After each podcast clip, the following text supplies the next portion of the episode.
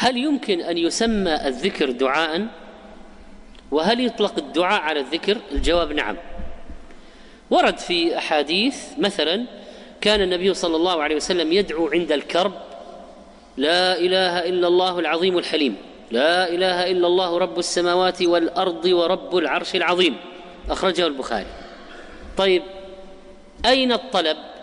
بعض الناس يفهم أن الدعاء في طلب. طيب أين الطلب؟ ما في طلب في ذكر فقط. فلماذا قال يدعو عند الكرب؟ يقول لا إله إلا الله العظيم الحليم لا إله إلا الله رب السماوات والأرض ورب العرش العظيم. وهذا دعاء يوم عرفة وخير ما قلت أنا والنبيون من قبلي.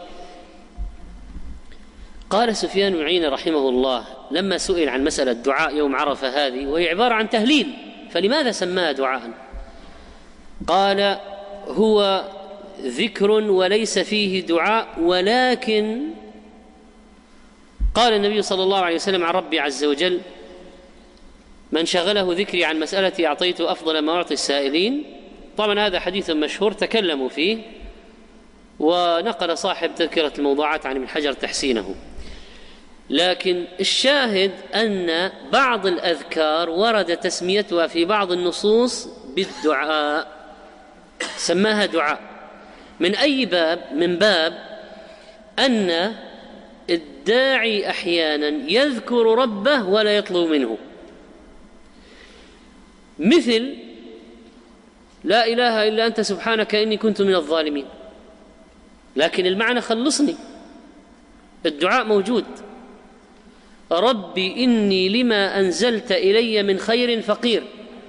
أنا محتاج إليك يا رب. أنا فقير إليك يا رب. معناه ارزقني. وهكذا.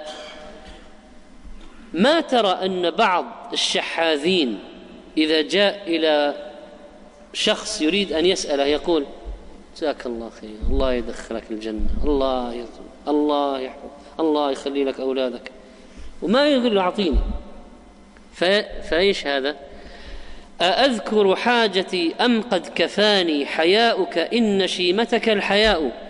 إذا أثنى عليك المرء يوما كفاه من تعرضك الثناء. قال سفيان عن أمية بن أبي الصلت لما مدح عبد الله بن جدعان في الجاهلية. قال فهذا مخلوق. حين نسب إلى الكرم اكتفى بالثناء عن السؤال فكيف بالخالق؟ يعني يكفي أن يمدح ليفهم الممدوح أنه يطلب منه. فاذا بعض الأذكار يطلق عليها أدعية في بعض النصوص وما في طلب. من أي باب؟ من باب أن الثناء والمدح لله يتضمن الطلب. وإن ما قال الداعي أعطني.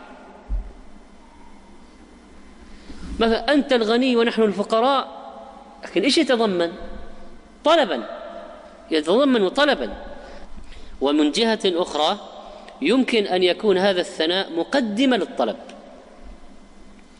فلذلك سمي الثناء دعاء لأنه مقدمه له وذريعه إليه. وقال شيخ الإسلام إن كل واحد من الدعاء والذكر يتضمن الآخر ويدخل فيه. بدائع الفوائد. اذا هذه المسألة تحل لنا أي إشكال يرد علينا من بعض النصوص التي فيها تسمية الدعاء بالذكر أو الذكر بالدعاء. فالعلاقة بين الذكر والدعاء إذن كما يلي. ألف إذا أريد بالدعاء دعاء العبادة فهو حينئذ مرادف للذكر. لأننا قلنا إن الذكر يدخل فيه العبادات كلها يطلق عليها ذكر. صيام بر الوالدين يطلق عليه ذكر بالمعنى العام.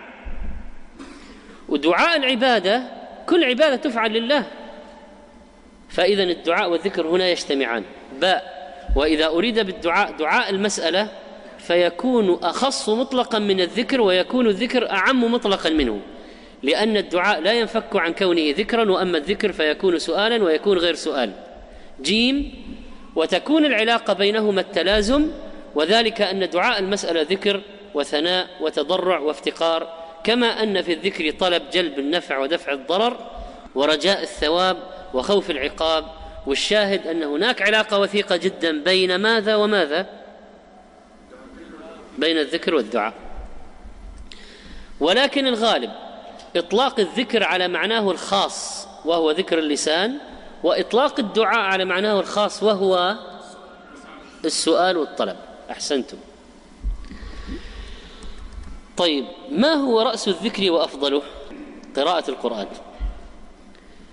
طيب هل الذكر أفضل أو الدعاء؟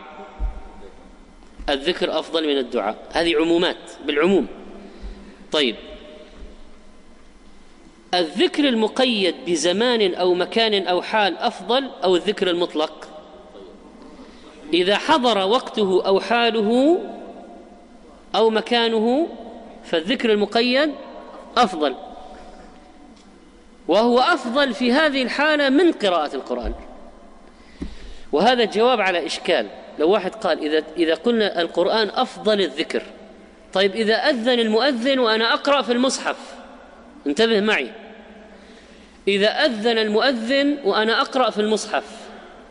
وأنتم تقولون القرآن راس الذكر وأفضل الذكر. فهل أترك التلاوة وأردد مع المؤذن؟ أم أواصل القراءة؟ كيف تقولون أترك التلاوة وردد مع المؤذن؟ وأنتم قلتم أن التلاوة أفضل من بقية الأذكار. هذا ذكر مقيد وهذا وقت محدود. قال ابن القيم رحمه الله في الوابل الصيب قراءة القرآن أفضل من الذكر والذكر أفضل من الدعاء. هذا من حيث النظر لكل منهما مجردا. إذا بالعموم إذا فصلت عن بعض قراءة القرآن أفضل من الذكر والذكر أفضل من الدعاء.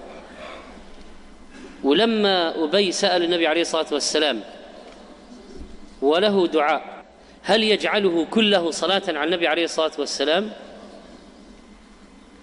فأجابه بذلك أقره عليه وأخبره أن لهذا ميزة لأن الصلاة على النبي صلى الله عليه وسلم ذكر وهي أفضل من الدعاء. وأنه إذا جعل هذا كله صلاة على النبي صلى الله عليه وسلم يكفى الهم ويقضى عنه الدين.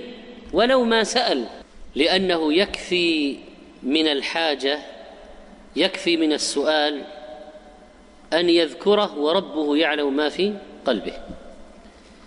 ولكن ورد في السنة طبعا الطلب فلا بد من الجمع بينهما. لا بد من الجمع بينهما. أما من جهة العموم. قراءة القرآن أفضل من الذكر والذكر أفضل من الدعاء هذا من حيث النظر لكل منهما مجردا وقد يعرض للمفضول ما يجعله أولى من الفاضل.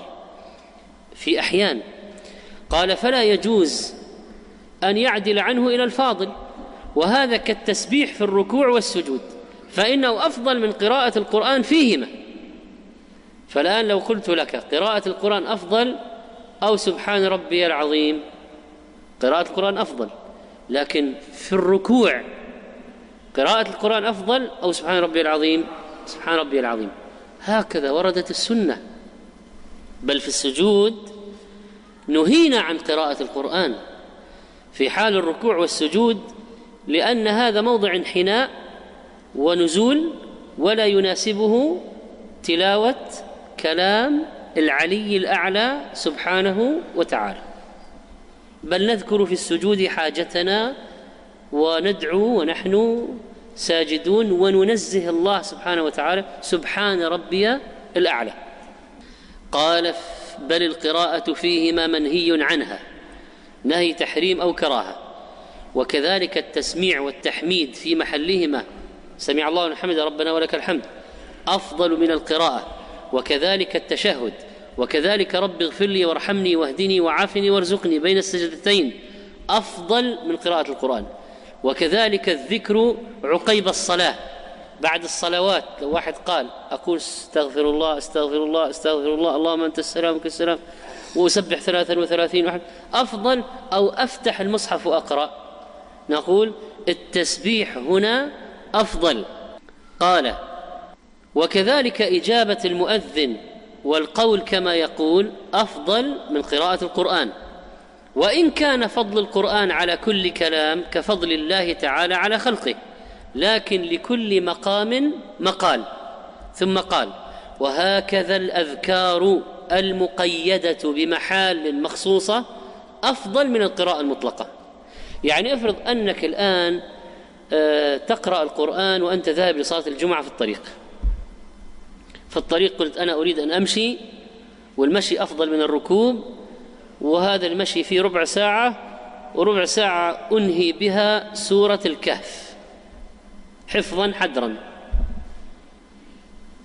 لو وصلت إلى باب المسجد وما انتهيت من التلاوة الأفضل أن تواصل فيها أو تقطع التلاوة وتقول ذكر دخول المسجد تقطع التلاوة وتقول الذكر. قال وهذه الأذكار المقيدة بمحال مخصوصة أفضل من القراءة المطلقة والقراءة المطلقة أفضل من الأذكار المطلقة. القراءة المطلقة للقرآن أفضل من الأذكار المطلقة. اللهم إلا أن يعرض للعبد ما يجعل الذكر أو الدعاء أنفع له من قراءة القرآن. مثاله أن يتفكر في ذنوبه فيحدث ذلك له توبة واستغفارا.